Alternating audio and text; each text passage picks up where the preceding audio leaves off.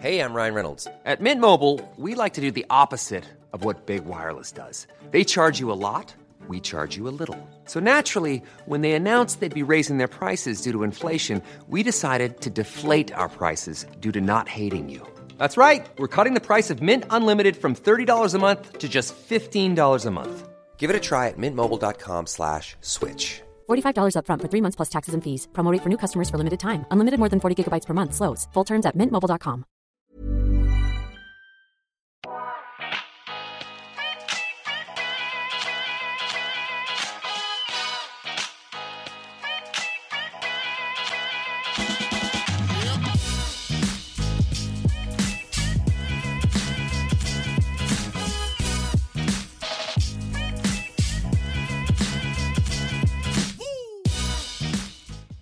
Välkommen till En timme med där jag, Sanja Tigeltia, träffar människor som inspirerar mig, som berättar om sina karriärresor, pratar självutveckling och hur de har kommit dit de är idag. I dagens avsnitt så träffar jag en sjukt inspirerande person, också en vän till mig, Poyan Karimi som driver Oddwork tillsammans med sina vänner. Det Oddwork gör är att de hjälper företag att behålla men också attrahera nya medarbetare. Vi går in på hur man gör detta på bästa sätt, varför employer branding är så pass viktigt som det är och vad betyder egentligen employer branding? Hur är det att driva företag med sina bästa vänner? Men vi går också in på vad man ska tänka på när man driver eget och vill attrahera talanger på marknaden. Vi rundar av med att prata om Pojans skådespelarkarriär. Även om han inte vill kalla sig för, för skådespelare så är han ju otroligt duktig och har medverkat i Ciao Bella, En man som heter Ove och många fler. Sjukt härligt avsnitt. Tjena Pojan! Hej! Hur mår du? Du, jag mår alldeles strålande. Det är sommar och det är tillbaka i Stockholm. Så jag mår bra tack. Du Hur mår är du? brun och fin. Tack detsamma. Tack, jag har pressat. Ja, då, då, jag har inte hunnit igen. Men jag har ju min persiska härkomst som, som hjälper mig. Ja, den lyxen. Hur, um, vad gör du? Berätta lite om dig och, och ditt företag Oddwork. Du, jag jobbar som eh, VD på ett bolag som heter Oddwork som jag grundade tillsammans med mina två nära vänner Charles Sinclair och Niklas Kekonius 2012. Så att det är inte... Jag lever i den här illusionen att det är ett ungt bolag fortfarande, men det är inte det. Vi går snart in på tioårsjubileet här som är ett employer branding och rekryteringsföretag eh, som är ett 30-tal personer. Så att det har varit vad jag har spenderat mina senaste nio år med. Det har varit en häftig resa på många sätt och det har liksom resulterat i fler resor Ja. som är liksom skott ut från den verksamheten, vilket har varit coolt. Men hur, hur kom ni på idén Oddwork? Mm. Alltså det, finns, det finns två sidor till det svaret. Eh, Den ena sidan är att vi, och det är helt sant, vi var studenter på Handelshögskolan själva och det fanns en mängd olika rekryteringsföretag där ute som alla liksom ber dig registrera ditt CV och så klicka i ett par rutor vad du vill jobba med. Och sen så får du massa matchmail skickat till dig med tjänster som du antingen vill ha eller kanske inte alls är aktuella för dig. Och det här 2012 när vi, när vi fick de här liksom mejlen och de här kontakterna med rekryteringsbolagen så uppfattade vi det som att det var väldigt opersonligt. Mm. Alltså vi insåg ganska tidigt att de här rekryteringsföretagen de får ju betalt om jag får ett jobb. Exakt. Jag vet inte vad, säg 100 000 spänn. De, de tjänar 100 000 kronor om jag får jobbet som de rekryterar till. Mm. Då betyder det att jag är värd i den här enskilda processen 100 000 kronor för dem. Hur kan jag inte bli behandlad som det guldet jag är värd? Mm.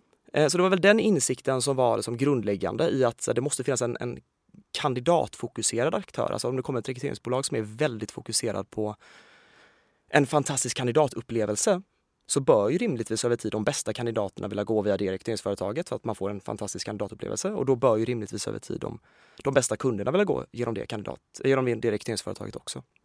Så det var alltså själva grundtanken med att starta Oldwork. Men sen var det också väldigt mycket slump och tur och timing. Alltså vi, jag, Charlie och Niklas hade drivit bolag eh, ja, sen tidiga handelsår. Charlie och Niklas startade sitt första företag när de var Jaha. 16. Liksom.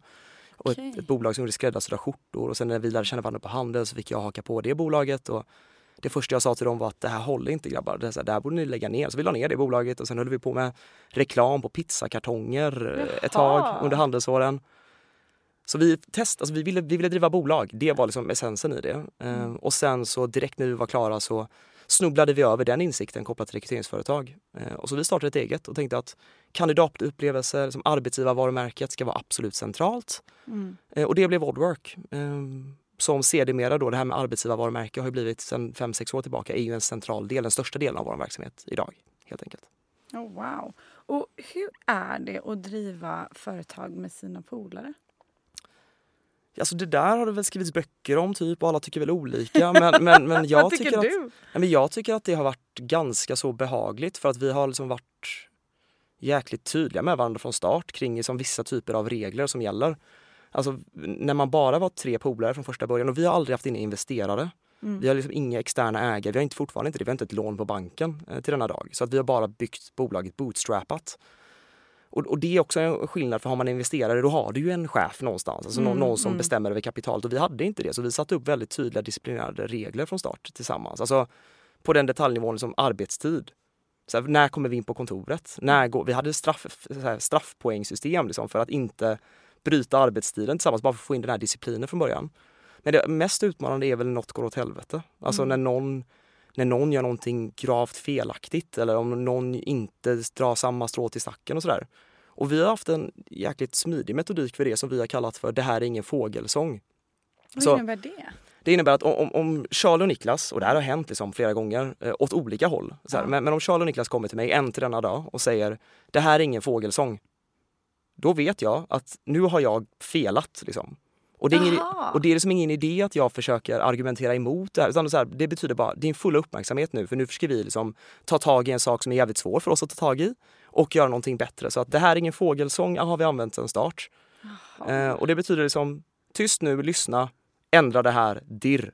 Annars så blir det liksom problem i vänskapen också. Liksom. Eh, så att eh, disciplinerat. Jag tyckte det funkat jättebra. Och den, det här är ingen fågel som ska man bara använda vid liksom nödfall kan jag tänka mig. Ja, den har väl bara använts fem, sex, sju Ja. gånger liksom. Och det är också det som ger den respekten i fågelsången. Alltså man, man, ja exakt, man, man får drar inte in- missbruka. Nej, så, så åker man på en fågelsång då vet man liksom att ja, men, nu är jag out of line här och det här kan påverka relationen mellan varandra. Liksom. Och de har också liksom fejdat med åren så jag vet inte när någon fick en fågelsång senast.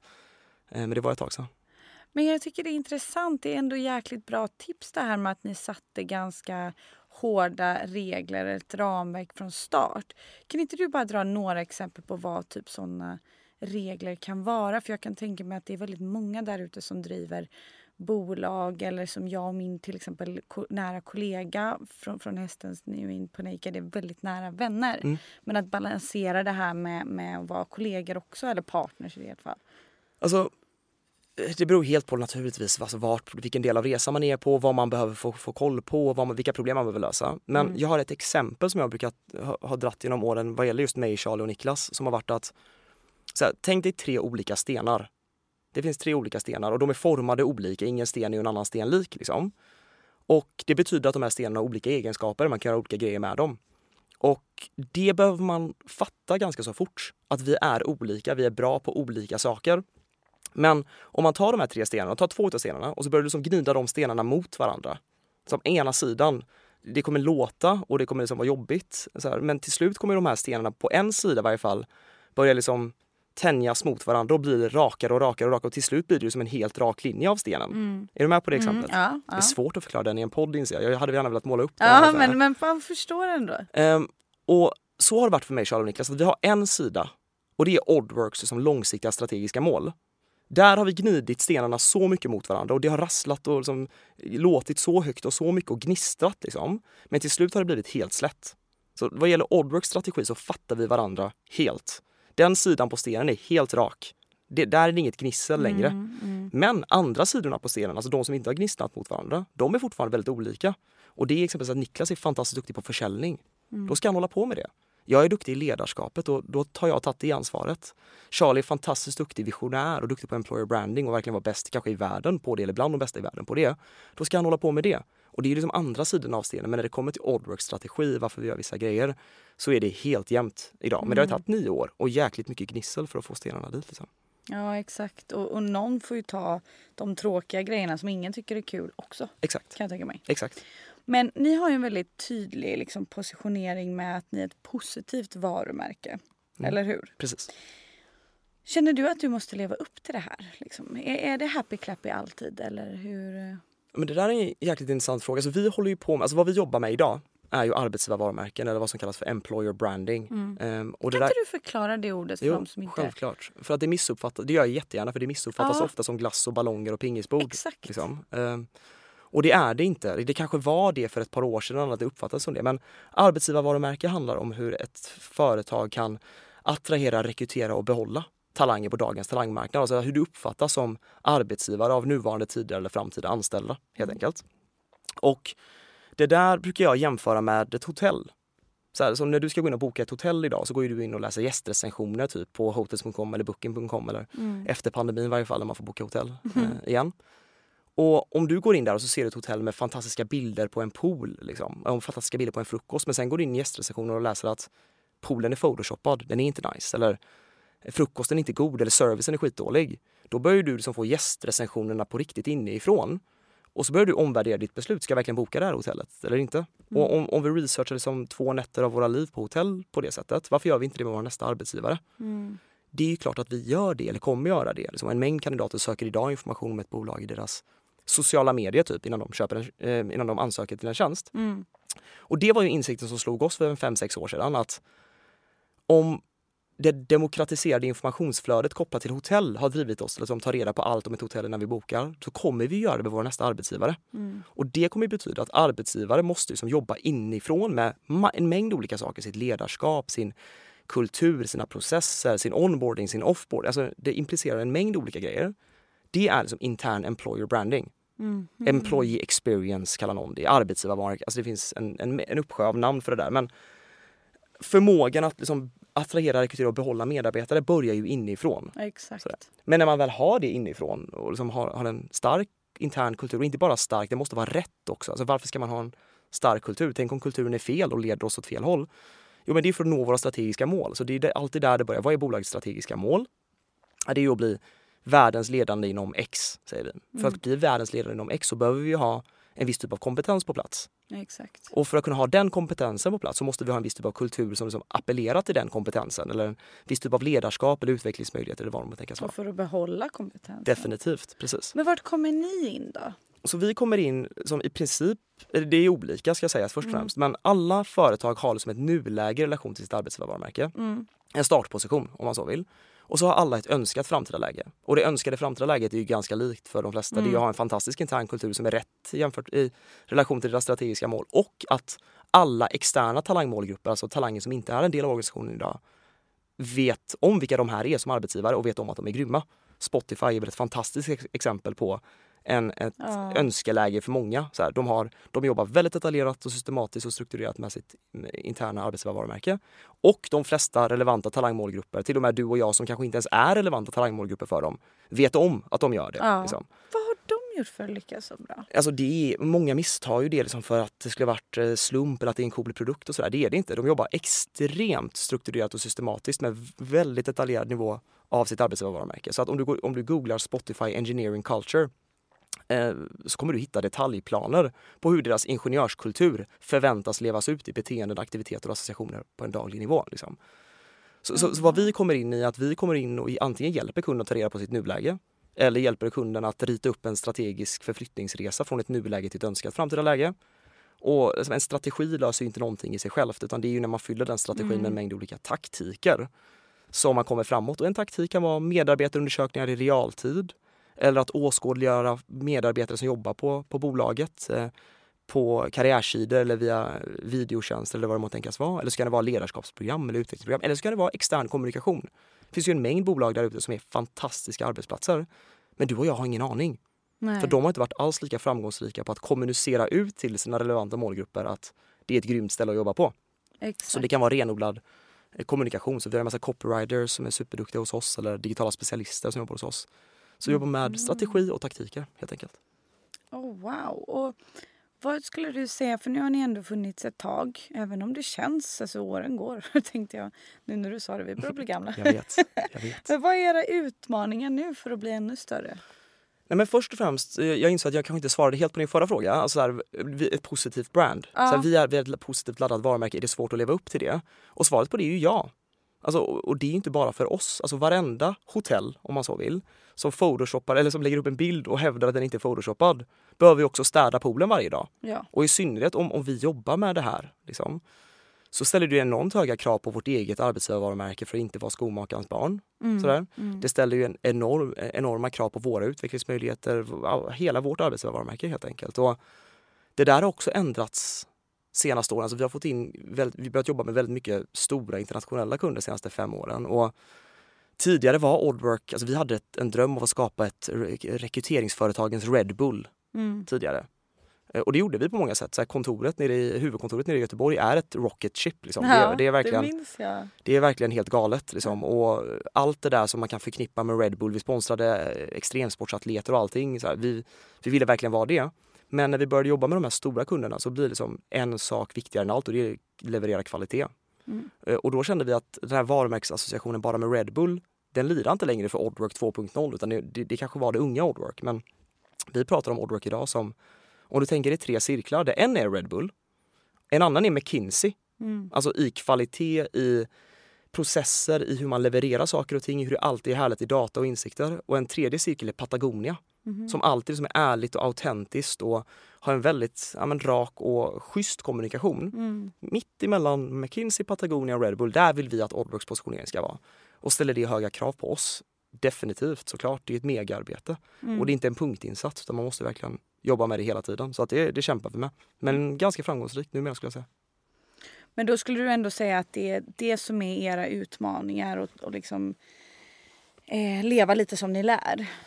Jag skulle säga att ja, det, det är väl en av de utmaningarna. Vi har väl en mängd såklart. Men, men det är en utmaning. det är. Men, men vi, det, det är vi ändå ganska, ganska duktiga på. Alltså vi pratar om de här grejerna väldigt öppet. Vi pratar om när vi behöver förändras. Sådär. Mm. En annan utmaning är ju att vi ehm, hela tiden som ska balansera att ligga i framkant. Vårt mål är att vara Nordens ledande employer branding-företag och på flera sätt så är vi redan det. Mm. Ehm, Vi skulle vara det 2025 men på flera sätt är vi det 2021. Sådär. Enligt vår lilla lista på, på vad vi ska uppfylla för att vara det. Och att liksom lyckas växa då ehm, på ett organiskt sätt, vi har fortfarande inga investerare Nej. som sagt. Eh, och kunna locka till sig ja, men, de bästa i branschen på det här. Samtidigt som eh, vi inte vill bli för stora för att tappa kultur. Det är en mängd olika saker. Det är inte Mm. enkelt och då hade alla, alla gjort det. Ja, vad, vad tror du är liksom en utav, nu har du svarat på det på många sätt, men det är ändå lite intressant att höra vad du tror är era framgång, alltså framgångsrecept, ert framgångsrecept för att ändå vara så pass ledande som ni är. Mm. Så pass snabbt. Alltså, vi, har, vi har jobbat i en bransch som typ inte fanns för sex år sedan. Alltså employer branding var glass, ballonger och pingisbord för sex år sedan. Eh, och ingen visste riktigt vad de skulle göra och bolag visste inte riktigt att de behövde det och vi byggde en hypotes som kring att ja, men egentligen hela hotellexemplet. Alltså så här, Om Ja. man researchar sitt hotell så, så kommer man göra det med nästa arbetsgivare så att det här kommer explodera. Och sen har vi liksom började vi jobba med det för fem sex år sedan och sen så för tre, två, tre år sedan så började det explodera. Verkligen. Och när jag säger explodera så betyder det att stora företag började anställa en employer branding-ansvarig. Oh, wow. Och nu börjar det bli employer branding-avdelningar, precis som HR och marknad.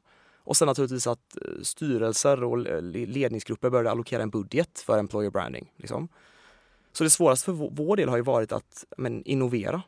Alltså så här, okej, så nu finns det en budget. Nu ska vi lösa det här kompetensglappet eller det här arbetsgivarvarumärkets förflyttningsresa mot det här strategiska målet. Mm, Vad gör mm, vi? mm. Och så har vi, har vi behövt skapa grejer som inte fanns. Liksom. Nej. Innovera oss fram för att skapa ett värde för våra kunders pengar som de investerar. Det har ju varit skitsvårt. Parallellt med det så försöka få med sig en organisation som förstår vad vi håller på med. Samtidigt som vi liksom bygger planet medan vi flyger. Det har ju varit en utmaning. Men vi har ju löst det ganska så bra. Ja, och det är som du säger, nu för tiden, i och med att jag själv har varit med på den och sett hur stort det här har blivit Mm. de här senaste tio åren, så är det ju så coolt att se vilken självklarhet det är idag att man ska tänka på det. Exakt. Ehm, men för en person som sitter lite i samma båt, båt och kanske driver eget eh, och ska rekrytera människor, ni är ju också proffs där. Mm. Vad, vad tycker du att man ska tänka på när man ska rekrytera? Liksom, vad har du för handfasta tips?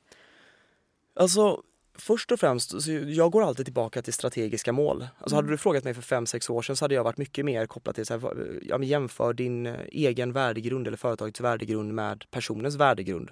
Och hittar ni bara varandra där så att säga så, så löser det hela biffen. Och Eh, Det är ju fortfarande sant till, till mångt och mycket. Men jag skulle säga att det som jämför organisationens värdegrund med personlig värdegrund men också titta på det strategiska målsättningen. Alltså alla bolag, stora eller små, har strategiska målsättningar. Alltså vi ska bli X inom Y. Sådär. Vi ska bli Nordens ledare eller vi ska bli världens ledare eller vi ska ha så här stor marknadsandel. Och för att lösa det målet så behöver man en viss typ av kompetens. Och det är liksom den kompetensen, det glappet som finns, eller precis som du var inne på, alltså behålla en viss typ av kompetens för att nå dit. Det är kring det som värdegrunden ska byggas, alltså värdeord så på en vägg som är framtagna för att det kändes bra i magen typ för fyra år sedan. Vad skapar det för värde? Men värdeord som kan hjälpa oss att attrahera, rekrytera och behålla rätt talang för att nå våra mål. Det är centralt. Så att jag skulle ge tips till även men, små aktörer. Som, som skulle, om du ska anställa din första person, ta reda på vad ditt strategiska mål är. Som ligger li- värdegrunden, alltså kulturen. Främjar den det strategiska målet? Och om svaret är ja, då kan du rekrytera utifrån värdegrunden. Men att först verkligen kolla på vad målet är. Helt enkelt. Och vad, vad tror du är de liksom vanligaste misstagen eh, folk gör eller företag gör? Ja, men det är ju eh, ett antal ganska så vanliga. Först och främst brukar det vara i, en del bolag så sitter ju liksom en ledningsgrupp och som fattar inte riktigt kopplingen mellan vad, vad employer branding har för funktion kopplat till deras strategiska mål utan de ser det som att det är ett nödvändigt ont typ och därför gör vi en punktinsats och vi, jag vet inte, vi köper annonsplats på 120 stycken busshållplatser liksom, och så trycker vi upp vilka bra arbetsgivare vi är. Liksom. Ehm, det är ju bortkastade pengar om det inte faktiskt förmedlar en sann bild. Sådär. Och sen så kanske den ledningsgruppen bestämmer att ja, våra värdeord ska vara si, si och så. Och så försöker man liksom trycka ner det i en organisation utan att ha involverat medarbetarna. Ehm, och det är klart att det inte kommer få någon bärkraft. Det här är ju liksom medarbetare som måste vara med och inkluderas i ett sånt här typ av arbete för att ja, men, sätta ramarna för vilka de är och vilka de vill vara och hur det ska levas ut. Sådär. Det, det är ett ganska vanligt misstag. Och ett annat vanligt misstag är att men, som sagt inte förstå den strategiska kopplingen eh, och se det som en punktinsats. Typ. Och det är som du säger, det är svårt att fejka idag så allt går ju att ta reda på. Ja, alltså, Alltså det är så här, Ja, och jag menar ett bolag som, som jag tycker är fantastiskt och jag är såklart jävig i frågan för vi har investerat i det bolaget ganska tidigt som heter Winning Temp. De gör medarbetarundersökningar i realtid. Okej, så den här medarbetarundersökningen som gjordes en gång per år tidigare, nu görs den en gång i veckan jättesmidigt via en app. Ehm, och så kan man hela tiden löpande se hur olika avdelningar mår utifrån olika ämnen. Hur de värderar ledarskapet, hur de tycker att de utvecklas, om de tycker att de är autonoma, om de tycker att deras jobb är meningsfullt och så vidare. Så kan ju liksom du eller jag stå och kolla på hur en avdelning utvecklas helt enkelt. Så kan vi ju se så att det kommer en pandemi, ja, då går eh, personliga utvecklingen ner och så kan vi ta action på det. Det är en sån typ av sak, alltså tänk den dagen nu, nu, nu har ju precis alla skaffat det där verktyget, eller så, ett motsvarande typ av verktyg. Om fem år kommer alla ha det. Om för fem år sedan visste ingen vad det var. Men tänk när alla har det där verktyget och så börjar vissa företag att visa upp sina siffror live på sin hemsida. Mm. Så, här, så att du, när du går in på AstraZenecas hemsida så kan du se exakt hur organisationen AstraZeneca mår just Mm. nu. Det sätter ju plötsligt press på alla andra bolag. Att liksom visa upp hur de mår också. Mm. Liksom. Så det är klart att ett demokratiserat informationsflöde, alltså vi går ut med mobiltelefoner i, i fickan och kollar upp liksom vad vår restaurang har för rating. Mm. Varför skulle vi inte göra det med vår arbetsgivare? Det är självklart att vi kommer det. Så att det kommer bli, det kommer bara fortsätta. Åh gud ja, och det känns som att den typen av transparens kommer vara en självklarhet som du säger. Tror du det är något farligt med det? Alltså jag tror att eh, det farliga är ju att det, det, det är jobbigt. Alltså många, eller många, genom åren har i varje fall ganska många kommit till oss och sagt så här, vad är lösningen? Alltså vad ska vi göra? Och det, det första punkten är det är inte en punktinsats. Liksom. Nej. Det är inte, det är som vilket varumärke som helst. Alltså Nike har ju inte blivit ett känt konsumentvarumärke för att de gjorde en reklamkampanj en gång. Nej. Sådär, utan det är ju som långsiktigt systematiskt och strategiskt arbete där bakom som just Spotify faktiskt är exceptionellt duktiga på. Det finns andra typer av företag också som är väldigt, väldigt duktiga på det men de flesta känner till Spotify eh, Mm. Ja men och arbetsgivarvarumärket. Men, men det är ju en sån typ av, av sak. Alltså att farhågan är att det är jobbigt och därför skiter man i det. Liksom. Mm. Men lycka till och eh, attrahera, eh, rekrytera eller behålla talang då kommande. Långsiktigt Ex- är man ja. ganska körd då med andra ord. Ja, och det är väl det som proaktiva bolag har börjat fatta. Mm. Ehm, Och om man sitter på andra sidan då? För det vet jag att många, jag får liksom många frågor på, på podden, och, eller till podden och så här hur man ska tänka för att naila en arbetsintervju eller få sitt drömjobb eller hit och dit. Vad, vad hade du gett för tips?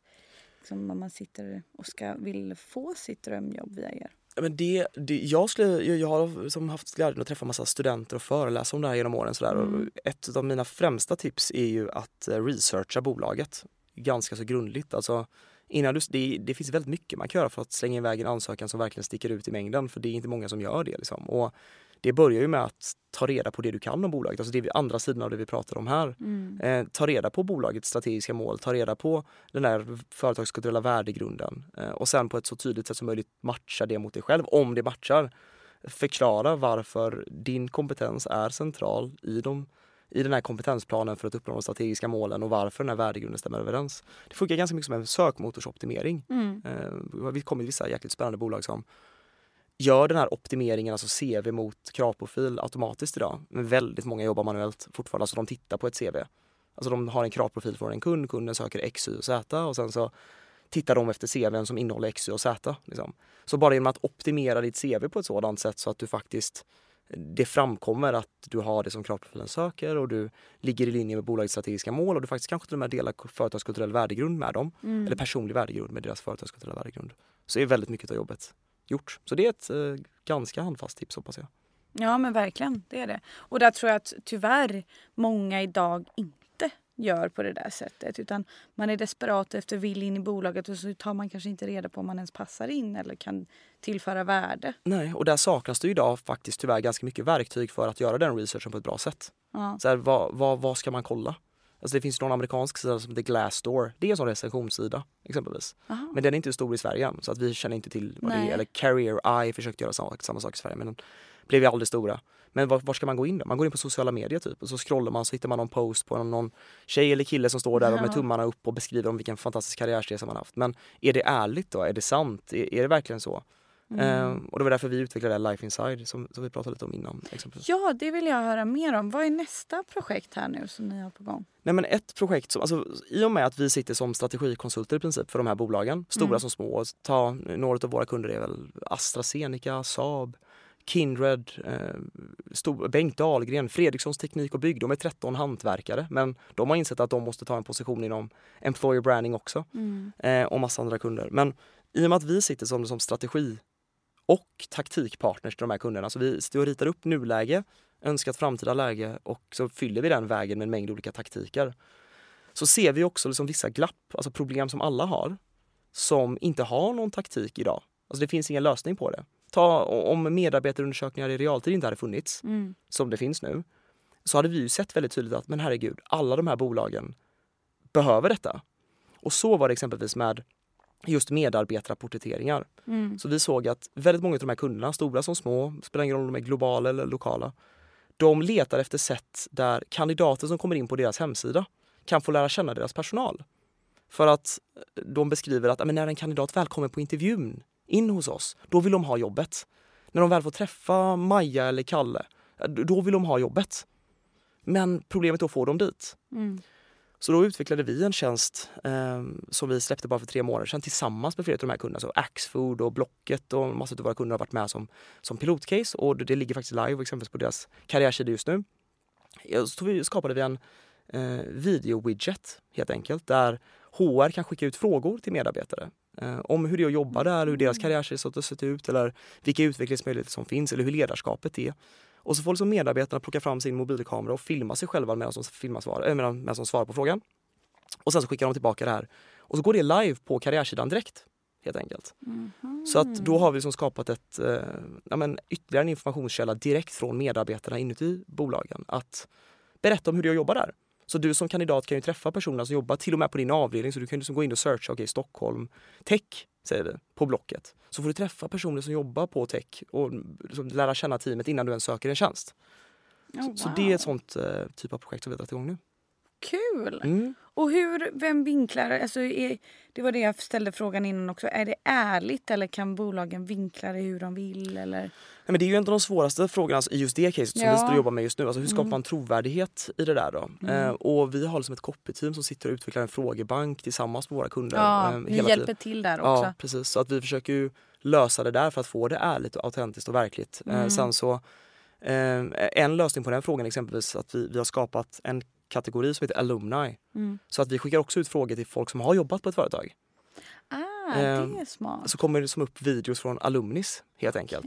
Som får beskriva om varför de gick vidare eller eh, vad de saknar med det. Eller, Mm. Det är klart att det här kommer gå igenom ett filter någonstans. Så att. Så, att, så att det kommer vara en utmaning för oss att här, få fram det absolut mest Ja, ja, ja, kritiska. men sådär. det, det är ändå Men- coolt. För att jag tänker, jag utgår bara från mig själv, men jag har liksom stakat ner gamla anställda och frågat hur Mm. är det att jobba där innan jag har signat. Exakt. Så man vill ju någonstans ha den infon. Ja, vi, vi tror det. Och det har fått en enorm traction redan de första tre månaderna här. Vi, alltså, vi utvecklade det senaste året men släppte det för tre månader sedan. Och det är väldigt Ah. uppskattat hos våra kunder och hos kandidaterna. Och det var väldigt kul, jag såg bara häromdagen att Blocket, som är en kund som sagt, Ja.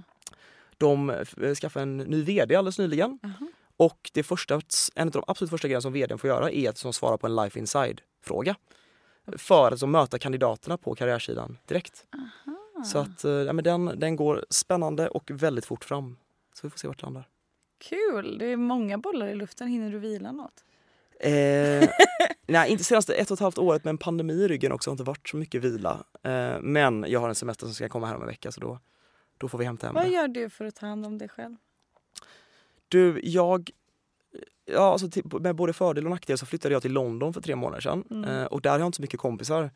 Eh, för annars brukar jag hänga väldigt mycket med kompisar Jaha. eh, och familj, vilket är mitt, mina stora intressen i livet utöver eh, mina bolag. Men nej, det blir inte så mycket annat än att träna. Jag hittat, eh, jag la undan alkohol för ett år sedan och hittade träningen. Jaha! droppade 12 kilo Duktig. och insåg att fast det finns ju ett sätt där jag kan må bra hela veckan. Liksom. Alltså att jag Ja. inte behöver eh, gradvis må bättre måndag, tisdag, onsdag och sen för sen må riktigt bra på torsdag, fredag igen. Mm. Eh, och för mig var den lösningen liksom skippa alkohol och börja träna ännu mer. Liksom. Mm, mm, Så att i det, eh, får jag inte i mig träningen så märker jag direkt liksom hur stress, hur oro, hur mm, osäkerhet, hur massa såna grejer eh, mm. börjar smyga sig på. Så jag ser ingen anledning till att dricka längre. Bra tips. Det visste inte jag. Det var kul. Och den här har jag inte förberett dig på. Nej. Jag ville ha en liten privat Ja. fråga också. Men en sak som jag vill att vi ska runda av med. Det är faktiskt din skådespelarkarriär. Ja, jag just det. sitter ju här med en celebrity. Ja, en, en ungdoms deltids... Nej, men hur började det? Jag vill bara liksom summera med, med, med den biten också. ja, nej men det är ju en ganska sjuk story. Jag, eh, när jag var 17 bast, Ja. så, när jag pluggade på gymnasiet alltså, så kom min bror hem med en tidning eh, som han slängde fram på, på köksbordet och sa Pojan de söker dig till en huvudroll i en svensk långfilm. Och när man är 17 år så tror man inte riktigt på det där. Liksom. Men ja, de sökte en kille som var mellan 15 till 17 år som pratade svenska, persiska, engelska flytande, som bodde i Göteborg, som spelade fotboll. Så hela den här listan var liksom väldigt lik mig. Ja. Så jag sökte in till den rollen och efter jag vet inte, nio auditions så fick jag huvudrollen i en svensk långfilm som heter Ciao Bella eh, som kom ut 2007. Kul. Eh, och det var en fantastisk upplevelse liksom, att få spela in film och jag hade aldrig gjort någonting, jag hade aldrig stått på scen eller gjort någonting med film tidigare. Men så fick jag göra den och då, då lärde jag känna, det var en fantastisk sommar, eh, sommaren 2006 var det nog vi filmade den och så kom den ut 2007 på ett hundratal biografer i Sverige. Mm. Och blev rätt stor, det var en ganska Ja, stor ungdomsfilm eh, där och då. Eh, och det var en sjukt häftig upplevelse Ja lärde känna massa häftiga människor som jag haft hållit kontakten med och jag insåg ganska tidigt att film är coolt och det är kul och det är liksom en väldigt annorlunda erfarenhet. Det är inte vad jag drömmer om och vill göra. Alltså det är inte, jag har aldrig liksom haft en dröm om att vara skådis. Men, så jag började plugga på Handels direkt efter gymnasiet och sen kom allt det här igång som vi snackat om idag. Men sen så en gång typ per år eller en gång vartannat år så har någon bekant från filmbranschen ringt och sagt Tja, vill du vara med i den här tv-serien? Eller Tja, vill du vara med i En man som heter Ove? Eh, och så säger jag, ja det är klart jag vill vara med i en man som heter Ove. Eh, eh, och så har jag fått provfilma för det, sen har jag fått den rollen och sen så för tre år sedan fick jag huvudrollen i en ny långfilm som heter Uppsala kidnappningen. Ja. Som är en ganska känd P3-dokumentär. Mm. Det var inte så många som såg den på bio eh, tyvärr men det var en häftig upplevelse det igen att få göra en till huvudroll. Eh, och senast så var jag nere i Rumänien och filmade Box 21 som går på Viaplay nu. Mm. Eh, alltså det har ju bara varit slump och tur och eh, ja, duktiga människor som jag lärt känna tidigt som har ringt genom åren. Och nu ska jag faktiskt precis iväg här efter och träffa ett filmteam eh, klockan 17.15 på Kungsholmen eh, för att planera för en inspelning i augusti, en kortfilm som jag ska filma. Men det är någonting du kommer fortsätta med då? Alltså så länge som jag får fortsätta göra eh, det varannat år typ Mm. och att det går att som köra parallellt med Oddwork och de här andra projekten så ser jag ingen anledning att sluta. Men jag har haft en sån jäkla tur Sanja så du vet inte vad. Alltså jag, jag alltså, och, eh, vad heter den? Ciao Bella, den blev nominerad i Berlinale Så, Tror du det är tur? ja, men jag tror det är tur. Alltså. det är skicklighet. Det- det är, Tror du på tur? Jag, jag, jag tror på... Ja, det gör jag nog ändå. Alltså, alltså, Nej, men alltså, vad fan, nej, men Ciao Bella, bra nej, men, nej, men så lyssna här. Ciao Bella blev nominerad liksom i Berlins filmfestival. Ja, så jag, coolt. 18 år, fick åka runt, alltså jag fick åka ner till Berlin och sen fick jag åka till Sarajevo och North Carolina och, allt, alltså, och visa upp filmen över hela världen. Och sen så, en man som heter Ove blev ju Oscars-nominerad, vilket är helt sjukt. Alltså jag kan säga det, jag förlikar mig inte med att jag skulle vara en skådespelare själv. Inte? Nej, alltså det, det är lika orimligt som det är för vem som helst att se sig själv som en skådespelare, är det för Det, mig. det är kul att du säger det för Dragomir var ju med här. Som Ja, jag har varit det. med Jag det. ja, Han sa ju samma, han kunde liksom inte se det sig så? själv. Ja. Inte förrän långt efter liksom, när det var... Och det är lite intressant. Alltså jag är inte där. Jag är inte där och så jag gjorde, en, jag gjorde en eh, kortfilm som jag är väldigt stolt över som heter Onsaffication. Eh, 2006, 14 kanske det var, 15. Den Ja. vann Guldbaggen och blev nominerad i Sundance i USA så jag fick åka dit. Men du vet, jag är som en liten pojkturist på de här eventsen. Jag fattar ingenting. Jag fattar inte vad jag gör där. Jag tycker inte jag har någonting att göra där. Eh, men jag är bara väldigt, väldigt tacksam. Och helt ärligt, skulle jag aldrig få göra en film igen så är jag nöjd. Alltså det har varit en sån sjuk upplevelse bara att få, få göra det och det är bara, jag kommer bara vara stolt när jag har kids i framtiden och få visa dem filmerna på när pappa var ung helt enkelt. Kul CV att ha där. Liksom. Ja, det Plocka fram. Men eh, nu när man är sjukt nyfiken på dig, hur hittar man till dig?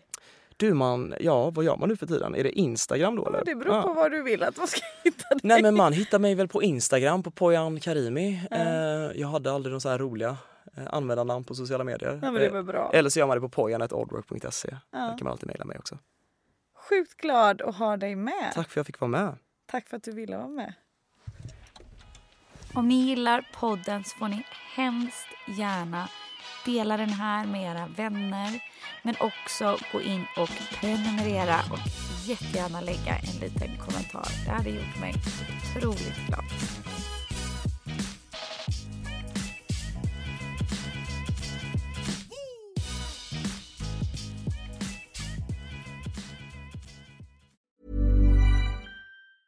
Planning for your next trip? Elevate your travel style with Quince. Quince has all the jet setting essentials you'll want for your next getaway, like European linen, premium luggage options, buttery soft Italian leather bags, and so much more. And is all priced at 50 to 80% less than similar brands. Plus, Quince only works with factories that use safe and ethical manufacturing practices. Pack your bags with high-quality essentials you'll be wearing for vacations to come with Quince. Go to quince.com slash pack for free shipping and 365-day returns. Planning for your next trip? Elevate your travel style with Quince. Quince has all the jet-setting essentials you'll want for your next getaway, like European linen, premium luggage options, buttery soft Italian leather bags, and so much more. And is all priced at 50 to 80% less than similar brands. Plus, Quince only works with factories that use safe and ethical manufacturing practices. Pack your bags with high-quality essentials you'll be wearing for vacations to come with Quince. Go to quince.com slash pack for free shipping and 365-day returns.